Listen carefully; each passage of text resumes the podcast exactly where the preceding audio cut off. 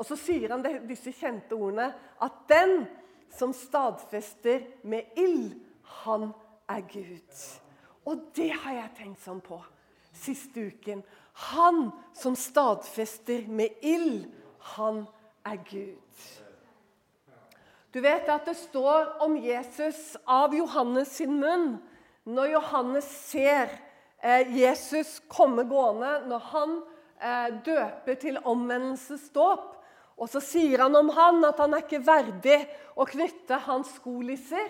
Og så kommer dette Han er den som døper i ånd og i ild. Og det er ikke så mye snakk om ild ofte. Det har kanskje, jeg vet ikke hva det har vært i tidligere tider, men det er ikke så mye snakk om ild. Det er mye snakk om ånd, men det er ikke så mye snakk om ild. Men han skulle døpe oss i ånd og i ild. Og, og dette med ild, dere. Ja, Vi skal ta en liten vandring, eh, tror jeg relativt kjapt, men vi skal gjøre det likevel. Og Det er jo litt typisk meg, men jeg har lyst til at vi skal dra noen linjer for å se hvordan Gud fra første stund når han åpenbarer seg som hellig Gud. Hvis du googler eh, på en eller annen bibelside ordet 'hellig', så får du opp en mengde med referanser. Og den første, hvor er den? Jo, det er andre Mosebok 3, når Gud åpenbarte seg i tornebusken. Det er første gang Gud omtaler seg som hellig. Og det er Moses som får dette veldige møtet med Gud. Dra dine sko av, Moses. For ikke bare er liksom tornebusken og der Gud er, i ild, men også hele, hele grunnen som er rundt, som Moses står på, er hellig. Og Moses må ta av seg skoene på føttene. Og så taler Gud uten at tornebusken brenner opp. Men han åpenbarer seg som en flamme av ild, og hele busken står i lys lue, men den brenner ikke opp. Og så taler Gud til Moses og sier disse tingene til ham om hva han skal gjøre. Og så kommer løftene at når du har ført dem ut av Egypt, så legg merke til det. Så skal du, og Det er som vi leser fort forbi. Men så sier Gud så skal du holde gudstjeneste på dette sted. Og det er veldig sånn, ja, Vi leser det, vi tenker ikke sånn over det. I hvert fall så har jeg lest det i mange mange år uten å tenke noe særlig over det. Men det er jo kjempeviktig. For hvor er han hen? Han er på Horeb. Han er ved Sinai.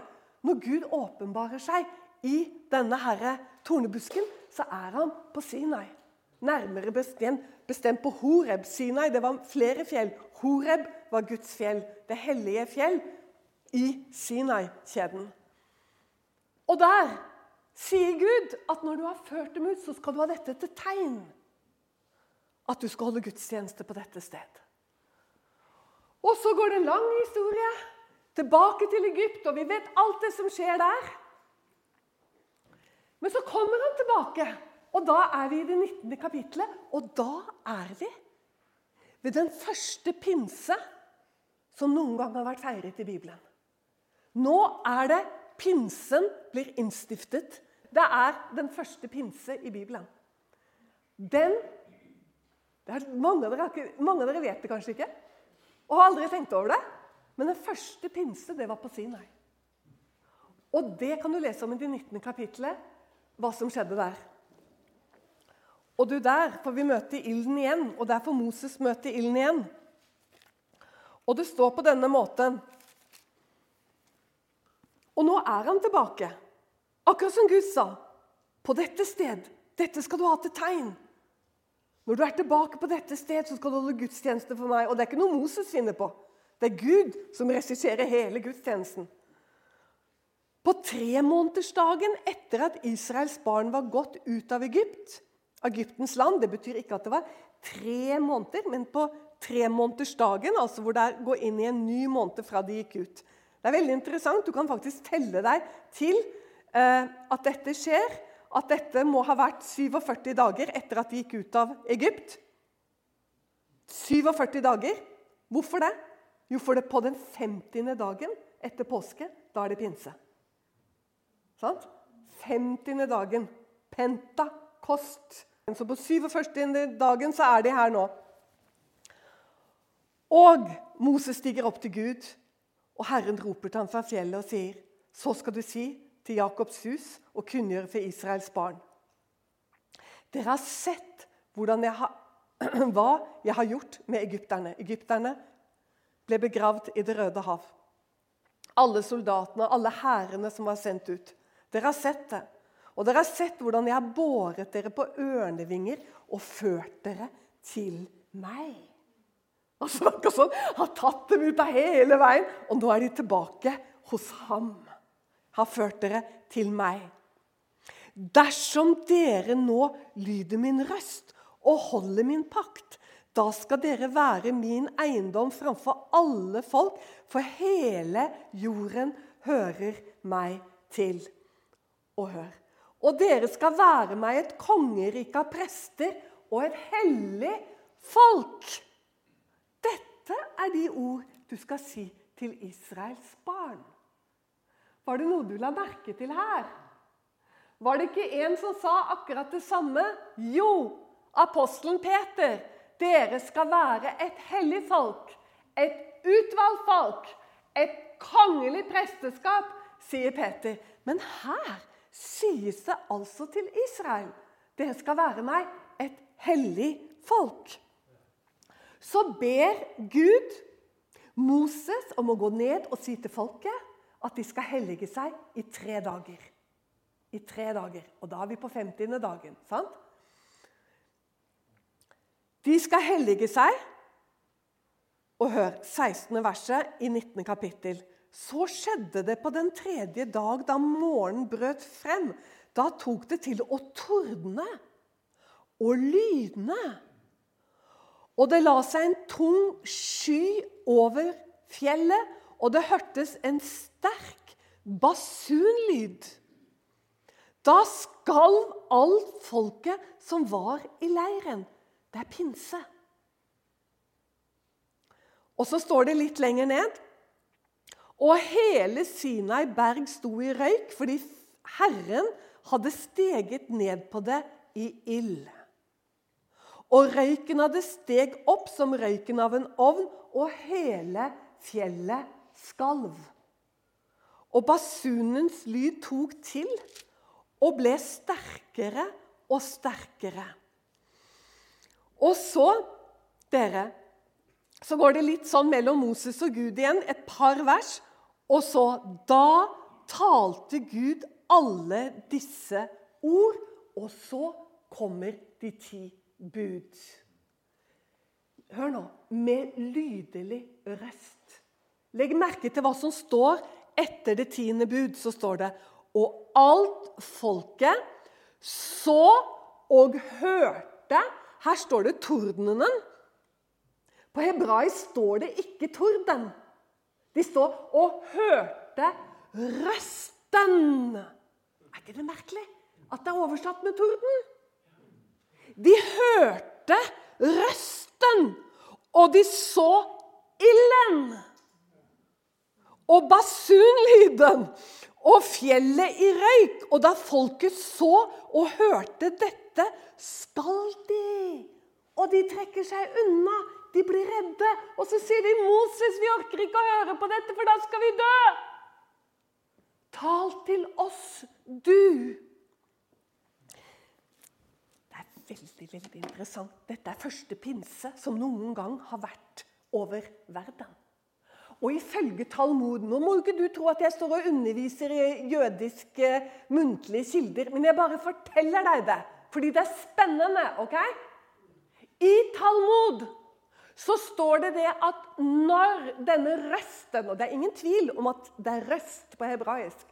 Så rabbinerne sier at når denne røsten lød så lød den ut av ilden. Og det står, det kan du sjekke, det står i 5. Mosebok, i 4. og 5. kapittel.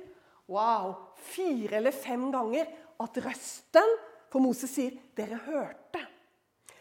Dere hørte Israel. Han minner dem. Alle dere hørte røsten tale ut av ilden. Så han minner dem om det som vi er midt inne i nå, i det 19. og det 20. kapittelet i andre Mosebok. Det er så viktig at vi får dette med oss. Men ifølge de muntlige kildene, eldgamle kilder fra rabbinerne Hør nå. Så sier de at når Guds rest talte ut av ild, så delte ilden seg og satte seg og talte til hver og en av dem. Utrolig. Tenk deg det. Dette er muntlig jødisk tradisjon som går helt tilbake. Jeg, jeg vet ikke, men disse tingene i Mishnah ble skrevet ned ca.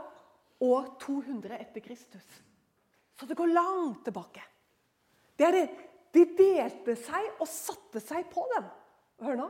Og så sier rabbinerne resten av Gud talte på 70 språk. Det er det de sier. Så ikke Bibelen. Det er, det er ikke Bibelen jeg sier nå. Men ifølge den så talte Guds Gud på 70 språk. Og det interessante er at Gud måtte tale. Når han først talte, så måtte han tale på flere språk. For det var ikke bare israelitter iblant dem. For når de gikk ut av Egypt, så står det Du må lese Bibelen din nøye. Så står det at det var en skare av folk, av andre folk, som fulgte med dem fordi de var kommet til tro på Israels Gud. Ser du? Så når de er ved Sinai Nå skal ikke jeg bevise dette, her, jeg er fortsatt litt sånn på utsida nå med Talmud. Men det jeg ikke er på utsiden med, det er at de hørte Gud tale ut av ild, de ti bud. De hørte det med Guds stemme. De ti bud ble talt med Guds stemme. Og Guds vilje var at de skulle være hans hellige folk. Et eiendomsfolk. Nå dere, tar vi et stort steg inn i apostlenes gjerninger til det andre kapitlet og det som skjer på pinsedag. Fordi der står det Og da pinsefestens dag var kommet, altså denne dagen hvor jøder fra hele den kjente verden var samlet i Jerusalem Ikke for å feire kristen pinse, for å feire jødisk pinse. Hva var de feiret? De feiret at Gud kom og talte ut av Hør nå. De feiret at Gud kom på Sinai, talte loven ut av ild til hele folkets påhør og påsyn, hvis det går an å si det sånn. Det er det. De var feiret, samlet, for å feire Jerusalem. Og så står det at de var, alle disiplene var på samme sted. Og det var ikke så rart, for de skulle vel feire pinse, de òg? De var, gjorde jo det. Interessant hvordan Jesus Alle høytidene Han knytter alt han skulle gjøre ifra, ikke sant? ifra utvelgelsen på palmesøndag. Palmesøndag det er jo ikke noe nytt, det heller. Det var da de skulle ta ut offerlammet som de skulle ofre i påsken. Da skulle de ta ut lammet og sette det til side. Og så skulle de så og så mange dager deretter så skulle de slakte det mellom de to aftenstunder. Det var da Jesus ropte 'Det er fullbrakt' på korset.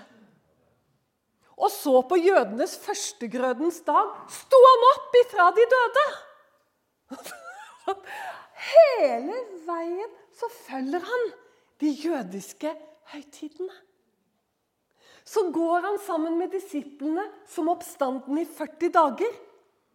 Og så sier han på Oljeberget at ikke mange dager herefter for nå er det ti dager igjen til pinse. Følger du meg? Nå har det gått 40 dager mellom førstegrødens dag, når han sto opp. Så skal du begynne å telle. 50 dager, og så er det pinsehøytid for jødene. Men Jesus går sammen med dem i 40 dager. Så møter han dem på Oljeberget, så sier han hva da? Så sier han om ikke mange dager herefter så skal dere døpes i Den hellige ånd. Halleluja.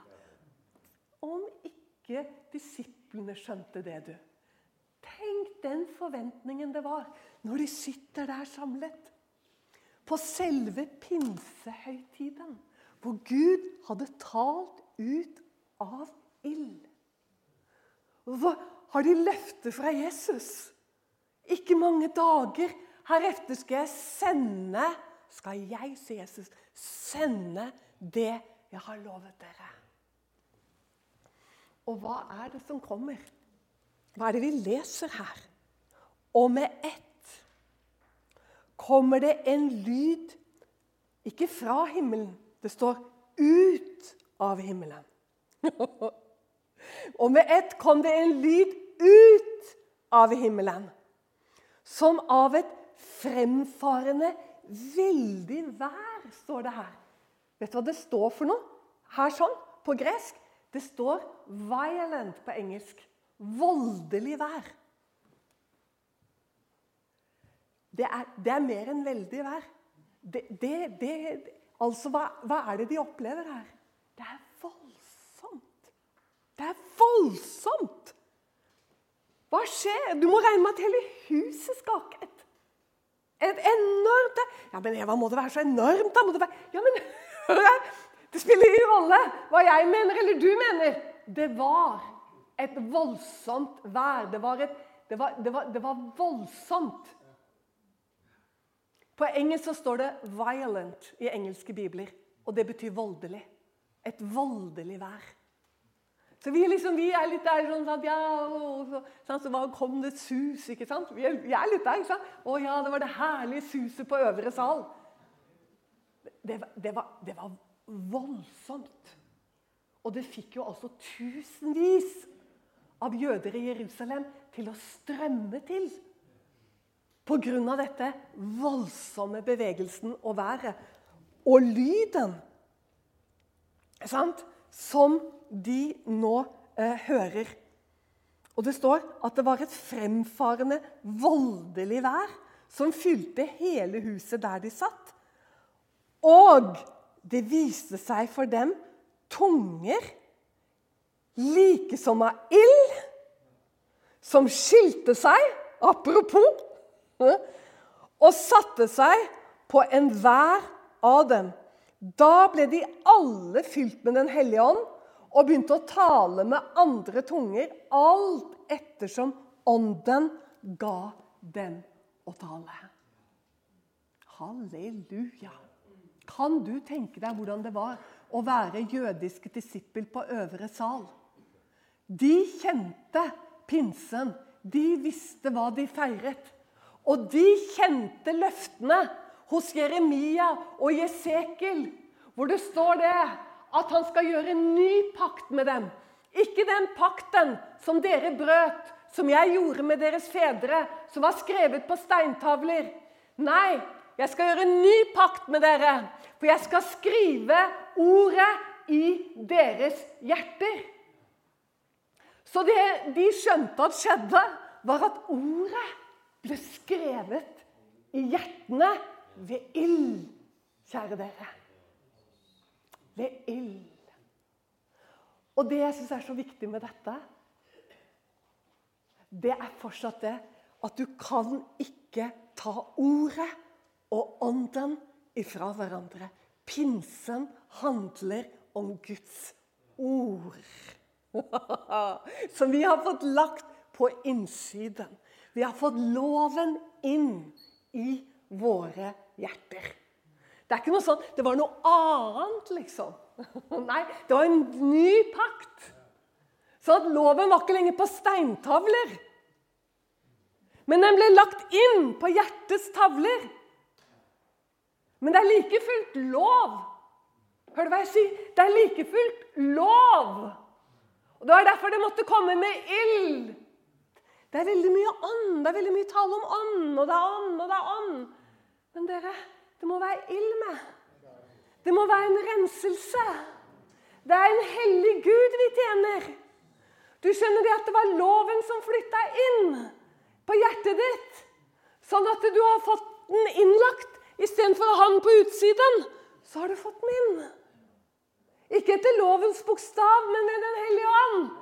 Så Derfor så sa Paulus, 'Vandre i ånden, så skal dere ikke oppfylle kjødet' som står imot Anden og står imot Guds lov. Men vi har fått den lagt inn, dere. Halleluja, for en Gud vi har. Det står så mye om denne ilden. Det står til og med at når Jesus møtte Emmaus-vandrerne Hva var det for noe når han begynte å forkynne ordet for dem? Hva var det de kjente? De kjente at det brente i hjertene deres. Kjente vi ikke at det brente i våre hjerter da han talte og la ut Skriftene for oss? Ordet og ilden, det er helt knytta sammen. Du kan ikke rive det fra hverandre. For nå er vi veldig opptatt av lovsang iblant også. Skjønner du? Du må ha ordet. Ordet. Åndens oppgave er å vitne om Jesus Kristus, som er ordet. Jesus sa til og med 'Jeg er ikke kommet for å dømme, jeg er kommet for å frelse'. Men de ord jeg taler, vil dømme dere på hin dag. Så Jesus, takk at du viser oss i ditt ord hvem vi er, og hva du vil. La oss nå til slutt gå til en menighet i åpenbaringen. Og du skjønner det at noen ganger så blir litt folk sånn at de tenker litt fordi de ser ulike eh, Det man kaller for 'revivals' på engelsk. Eller eh, vekkelse. Vi har bare ett ord for vekkelse. I England har de to ord. Revival er egentlig dette Du har awakening, det er mer om menigheten. Og så har de revival, det er når skarene kommer. Men så har vi hørt mange ganger at de snakker om revival i Lakeland, og revival begynte i Pensacola, og det var revival i Toronto. Og, og nå er det Det kommer ulike sånne revivals, da. Men revival, det har et kjennetegn vekkelse. Det er ingenting som er nytt under solen når det gjelder vekkelse. I Bibelen så har du vekkelse tre steder som jeg kommer på. Og det har du i Esra. Når Esra eh, kom til Jerusalem og så hvordan det sto til med Guds menighet, så la han seg foran tempelet og der lå han under Guds ånd og gråt. Det står ikke hvor lenge, hvor mange dager han lå der og gråt, men etter hvert så kommer folket til ham. Og det kommer en gråt over hele Jerusalem. Og så reiser Esra seg opp, og så begynner han å forkynne Guds ord. Og da gråter folket enda mer. Dette har kjennetegnet vekkelse til alle tider. Det er møtet med den hellige Gud. Det er alltid etterfulgt av omvendelse, av tårer og innvielse. Hvis ikke det er etterfulgt av dette, så er det ikke vekkelse. Du kan si at det kan være at mennesket søker Gud, og det er vel og bra. Det er nydelig når mennesker kommer sammen i bønn og i salmer og sang for å prise Gud. Det er nydelig. Mennesket søker Gud, og det har de gjort til alle tider. Og det kan føre til vekkelse. Men at mange kristne kommer sammen for å prise Gud og be, er ikke vekkelse. Det kan bli vekkelse, men det er ikke vekkelse. Det er vekkelse når mennesker blir frelst, og når menigheten vender om. Eller la meg si det i motsatt rekkefølge. Det er vekkelse når menigheten vender om til den hellige Gud og når menneskene og skarene kommer inn og blir frelst. Ofte er bønn og vekkelse i menigheten noe av det samme. Men ikke nødvendigvis. For hvis det er synd i menigheten, og bønn og lovprisning og synd, så blir det vanskelig fordi Gud sa er min arm for kort til å frelse? Nei! Min arm er ikke for kort til å frelse, men det er deres synder som hindrer min arm. Dette har vært slik gjennom hele Bibelen. Så at vekkelse har aldri endret seg. Det samme var det jo på pinsedag. Hva var det som skjedde på pinsedag? Det har vi lest. Det var tunger av ild som satte seg på dem, og at det var tunger Det var jo ikke tilfeldig. Det var ildtunger det ble ut av disse disiplene. De forkynte Guds hellige ord. Hører du hva jeg sier? Peter reiste seg opp og begynte å forkynne. Og hva er det første han sier? Jo, det er evangeliet. Han taler nemlig om at det kommer dom. Det er det første Peter gjør. Han taler om dom og nødvendigheten av å vende om. Han snakker om Herrens dag. Og så begynner han å forkynne evangeliet om Jesus som sto opp fra de døde. Fordi han hadde tatt våre synder på seg. Hva skjer da? Det stikker dem i hjertene, står det. Det stakk dem. Hør her, Hvis det er mennesker som lever i synd i Guds menighet, så skal de ha det på samme måten. De skal komme på søndagsmøte, og så skal de kjenne at det stikker i hjertet. Og det er bra. Fordi Gud er hellig, og det kommer dom. Og Det hadde vært en tragedie om du hadde gått på møte i 10 og 20 år. Skjønner du? Og ikke vendt om. Guds menighet er som det står. Jeg er hellig, sier Gud. Derfor skal dere være hellige. Hva betyr hellig? Det betyr atskilt fra verden. Det betyr satt til side. Ja, men Eva, vi er jo i verden, vi skal jo frelse folk. Vi må, Ja visst. Jesus sa dere er i verden, men dere er ikke av verden. Det skal synes på oss at vi ikke er av verden. Vi lever på en annen måte. Vi oppfører oss på en annen måte. Vi gjør ikke sånn som verden gjør. Verden gjør sånn og sånn og sånn. Den kristne gjør sånn og sånn og sånn. Vi gjør ting på en annen måte. Vi er i verden, men vi er ikke av verden. Vi er et hellig folk. Må Gud hjelpe oss. Det skal stikke i hjertene våre. Hvis vi lever i synd og kommer på søndagsgudstjeneste, så skal det stikke. Det er flott at det stikker, for det stakk så fælt i disse. Hør du hva jeg sier? De som var samlet i Jerusalem, det stakk sånn i hjertene deres at de sa, 'Brødre, hva skal vi gjøre?' Og så sier Peter, 'Vend om.' Halleluja. Og så fortsetter han å tale. Og den dagen så ble 3000 mennesker lagt til menigheten, og det står at de trolig holdt fast på læren. Trolig. Menigheten i dag vi. Og jeg er så glad at jeg har hatt disse stundene hvor jeg har hatt mulighet til å reise liksom ut med, i, i, forbindelse med, med arbeidet i misjonen. At jeg fikk reise ut til andre land hvor det stakk fortsatt i søndagsgudstjenestene. I forkynnelsen. Så folk kom fram gråtende og ga sine liv til Gud, for de levde i synd. De vendte om. Mens nå kan vi ha folk som lever i synd, som er på plattformen. Men du skjønner det, at det går ikke i Guds menighet. Det kan ikke bli vekkelse. For Gud er hellig. Gud er hellig. Og Derfor så er ånden fra Han er hellig. Så hvis det er en hellig ånd som er iblant oss, så trives bare Den hellige ånd på blodets grunn. Hører du hva jeg sier? Den hellige ånd trives bare på blodets grunn. Jeg sier ikke at ikke andre ånder kan trives. Men Den hellige ånd trives bare på blodets grunn. Ser du? At vi må leve hellig med livene våre. Må Gud hjelpe oss alle sammen. Herre, dra meg dypere inn, sang vi, i bønnen. Dra meg nærmere deg, min Gud. Hvordan bruker jeg tiden min? Hva er det jeg driver med? Hvem er det som har førsteplassen i livet mitt egentlig? Alle disse tingene ønsker han å snakke med oss om, men vi er så travle. Og så er vi blitt så vant. Det er blitt så vanlig. Men jeg roper fortsatt, for jeg tror fortsatt det er mulig for menigheten å gå baklengs. Gå bakover igjen. Ja, men Eva, skal vi ikke framover, da? Nei, jeg tror vi burde gå litt bakover. Før vi tenker at vi skal så mye framover. Du vet at Paulus han roser, Er det Timotius han roser når han sier at den samme ånd som er i deg, den var i bestemora di?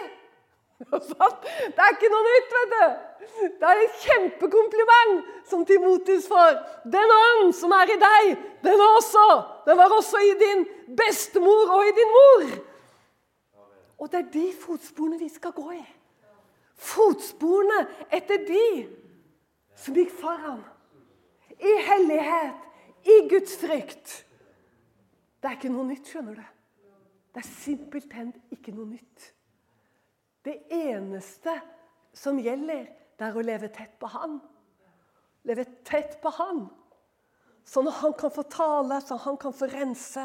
Og dere, måtte han begynne å døpe med ild igjen. For skjønner Vi trenger ilden inn i menigheten igjen. Og det er flere som vet hva jeg snakker om, som har levd i tider hvor det virkelig brant. Jeg husker bønnemøtene i gamle Berøa. Det var så ild, det var så taket reiste seg nede i kjelleren der i Blå Kors og senere i Nordre gate. Det var ild iblant oss. Og Det er så sjelden jeg kjenner denne ilden. Og det er så fremmed for enkelte at de sier det at 'Oi, du blir så ivrig', sier de. De kjenner ikke forskjellen på iver og på ånd, liksom. Forstår du? Den hellige ånd, han kommer i ild. Det er derfor Johannes sa det sånn. Han kom, for han må det. For det han gjør, skjønner du, det er å plante ordet. Og senere lydighet til ordet. Og for å få lydighet til ordet, så må det være ild der, for han må brenne. Han må brenne hjertet. Han må brenne bort det som hindrer lydigheten i meg og i deg. Det er det ilden gjør. Det er nydelig med ilden, det er godt med ilden, men det er også ganske skremmende med ilden. For da må du slippe. Og så må du overgi mer til Gud. Fordi han vil ha mer rom. Han vil ta bort ting i livet vårt. Han vil brenne med sin rene ild. Det er en menighet, og jeg sier ikke, sier ikke Klavestadhaugen. Ikke tenk sånn at jeg gjør det. Jeg taler bare ut, liksom. skjønner du? Og det fins en menighet i apostlenes, ikke apostlenes gjerninger. Kunne vært der, men det er ikke der. Det er i åpenbaringen. Og det er Laudikea. Og det er kjempeinteressant. Det er den siste menigheten. Og det står at den tror at den er rik. For de har liksom ting Altså, hvordan kan du tro at du er rik? Det, er det har jeg lurt mye på. Hvordan kan du tro at du er rik når Jesus ser på menigheten, og så sier han Og du vet ikke at du er naken, at du er blind, og at du er fattig. Hvordan kan du tro at du er rik? Jeg har tenkt mye på det der.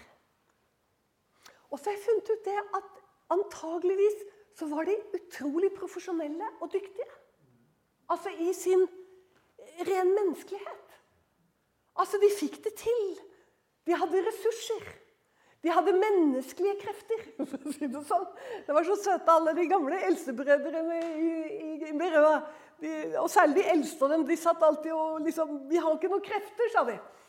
Og da, Vi har ikke noen krefter. Vi trenger sangkrefter, og vi trenger alle slags krefter. Men de snakket ikke om altså kjødets kraft. De snakket om kraften, dynamis, ifra Den hellige ånd. Amen. ikke sant? Men så går det an å bli veldig sterk og dyktig. Det, altså, er dere enige med meg? Er det noen annen måte å se Laudikea på? For hvordan kunne det ellers tro at den var rik? Fordi ungen den trodde at den var rik. Men Jesus sa du er fattig. Og du er blind. Og du er naken. Men den var elsket. Fordi det står at 'hver den jeg elsker, den refser jeg'.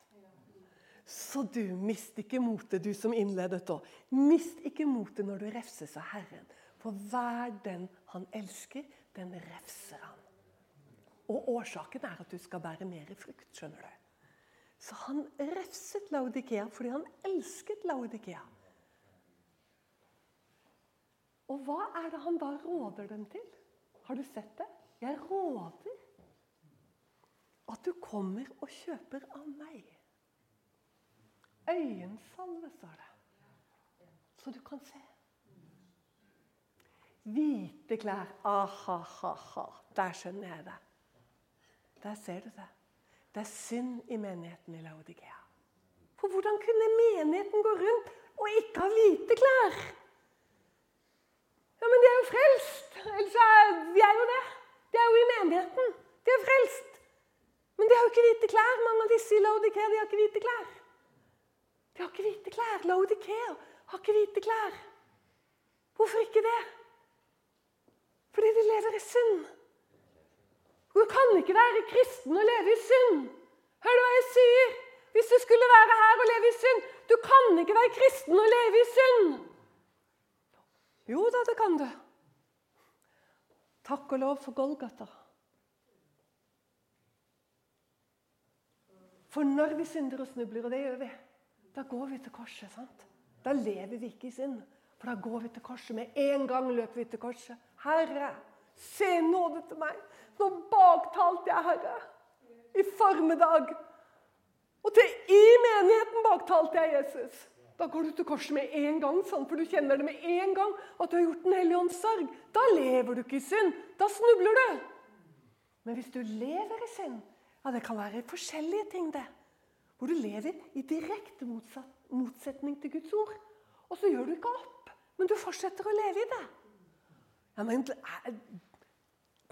Ja visst. For du skjønner, Det som er så skummelt, det står at i de siste tider så kommer det profeter som vender Guds nåde til skamløshet. Forstår du? Og da kan jo hele menigheter, sånn som Laudikea, da Hele menigheten kan ha blitt forpestet av synd. Fordi man har forvent Guds nåde til skamløshet. Sånn at det som var synd og skam, det er blitt vanlig iblant oss. Og det var Laudikea. For han rådet hele Laudikea til å komme og kjøpe seg hvite klær. Å, Gud, må han hjelpe oss alle i den tiden vi går inn i? Ser dere det? Må han hjelpe oss alle i den tiden vi går inn i? At ikke vi forvender Guds nåde til skamløshet og blir gående rundt i flekkete klær. Så han kommer uventet og brått på og vi er ikke rede. Men vi er ikke så opptatt av dette med rede og at Jesus kommer. Og, vet du, Det er mange steder i dag hvor man ikke vil høre om Jesu gjenkomst. For vi er ikke så opptatt av det. Vi er opptatt av at vi, vi er Jesus-fokuserte, sier de. Vi er ikke så opptatt av Jesu gjenkomst. Altså, Det er så mye rart, dere. Du må bare, du må bare være så våken. Og så sier han at du, at du må få øyensalve, så du kan se. For det er jo det som skjer. Man slutter å se. Man slutter å se. Å se i Bibelen betyr å forstå veldig ofte. Man forstår ikke lenger. Man har ikke åpenbaring. Man ser ikke lenger. Man har blitt helt sånn nesten blind. Så sier han nå må du få øyensalve så du ser, for det er jo det som er det første som har skjedd her. At de må begynne å forstå, de må få åpenbaring, de må se sant, hvem Gud er, og hvem de er. Og så sier han 'hvite klær'. Da ser du at ja, men jeg lever jo i synd. Akkurat som når Esra kom til Jerusalem, og plutselig slo hele Jerusalem rundt ham og gråt. Hvordan skjedde det? Jo, han leste opp Guds ord. Han talte Guds ord. Og folk skjønte at de levde i synd. Og så begynte plutselig hele Jerusalem å gråte. Og det ble en vekkelse. En utrolig vekkelse i Israel. Og samme apostlenes gjerninger, det stakk dem i hjertene. Å Gud, salige Hva skal jeg si? Salige stikk. Salige stikk hvis du kjenner det stikker i hjertet ditt nå. Takk Gud at det stikker i hjertet ditt hvis du vet at du lever i synd. At du holder på med ting du ikke burde drive med. Takk Gud at du fortsatt kan kjenne at det stikker. At det gjør vondt. Eller kanskje du blir minnet om at Hva er det jeg driver med? Jeg har jo nesten ikke tid til verken bønn eller noe som helst. Sport fyller snart hele livet mitt. Det er ikke synd å se på friidrett eller fotball. Men det blir synd, skjønner du. Når du ikke lenger hører hvordan Gud kaller deg. Kom, kom og drikk. Kom uten betaling. Hvorfor veier dere ut penger til det som ikke kan mette? Sånn snakker Gud i dag òg. Hvorfor veier dere ut penger til det som ikke kan mette? Kom! Og så står det 'bøy øret'. Bøy det. Hør hvordan han kaller. Kom til han. Gå inn i lønnkammeret, lukk døren, bekjenn dine synder. Tal med han i lønndom, og han skal lønne deg det åpenbare. Jesus, kom og rør ved våre kalde hjerter igjen. Og så står det så fantastisk, så råder jeg at du kommer og kjøper gull glødet i ild. Og det er du. Det er først å få synet tilbake og forståelsen. Jeg vender om. Tenk at dette er menigheten. Dette er jo egentlig en oppskrift. Sant? Hvordan det går når du blir frelst. Det var sånn han gjorde med meg. Han åpnet mine øyne. Jeg så at jeg var synder. Jeg så at vennene mine var synder. Jeg følte alt var synd. Og jeg begynte å søke Gud. sant? Du vendte om. Du vendte om. Og så sa Paulus Nei, unnskyld. Peter på pinsedag. Hva var det han sa for noe? Han sa 'venn om'. Og så sa han 'og så skal dere få Den hellige ånd', som er lovet. Og det er det samme rekkefølge. Det er ingenting nytt når Jesus taler denne gangen til menigheten. Det er jo det. Men det er jo så godt han gjør det. For det, er jo dette som er realismen. Det er jo dette som er realismen. Hør dere. Hjertene våre kan bli lukket, stengt, kalde, sløve. Og så begynner vi å lifle med ting, og så tenker vi at det er ikke så farlig. Og så skjer det, og så er det sånn, og så, og så er hele menigheten mer eller mindre. Å nei, Gud, spar oss fra dette. Men det at vi får gull, glødet i ild, renset. Og jeg tror de må ha gått bra med Laudikea etter den talen derfra som de fikk gjennom Johannes. Det må ha gått bra på Laudikea. For de fikk jo virkelig spikeren på hodet. De fikk jo høre akkurat nøyaktig det de trengte å høre. Og dette vet jeg er det som trengs å høres. Unnskyld meg at jeg sier det. Sikkert over store deler av hele Europa og Nord-Amerika og Vestens menigheter. Vi har overflod, vi er rike. Vi Etter hvert så tenker vi ikke at det er så gærent lenger. Og, men vi er veldig opptatt av vekkelse, at man kommer vekkelse. Men det er jo ingen som taler om omvendelse. Har vi blitt aldeles tullete? Det har aldri kommet noe vekkelse annet enn i kjølevann av det vi kalte for sånne herre Jeg er jo ingenting. Altså, det var bare Man kalte dem svovelpredikanter. Det var jo de som sto utafor, som kalte dem for det. Hva er dette for noe, da? Det, er, det har aldri vært en annen vei til vekkelse. En omvendelse. Så hvordan kan vi snakke så mye om det hvis ingen vil snakke om omvendelse? Hvordan kan vi tro at det skal komme revival og, og, og, og vekkelse når det er ingen som snakker om omvendelse? Stå med oss økonomisk og i bønn. Du finner oss på utentvil.com.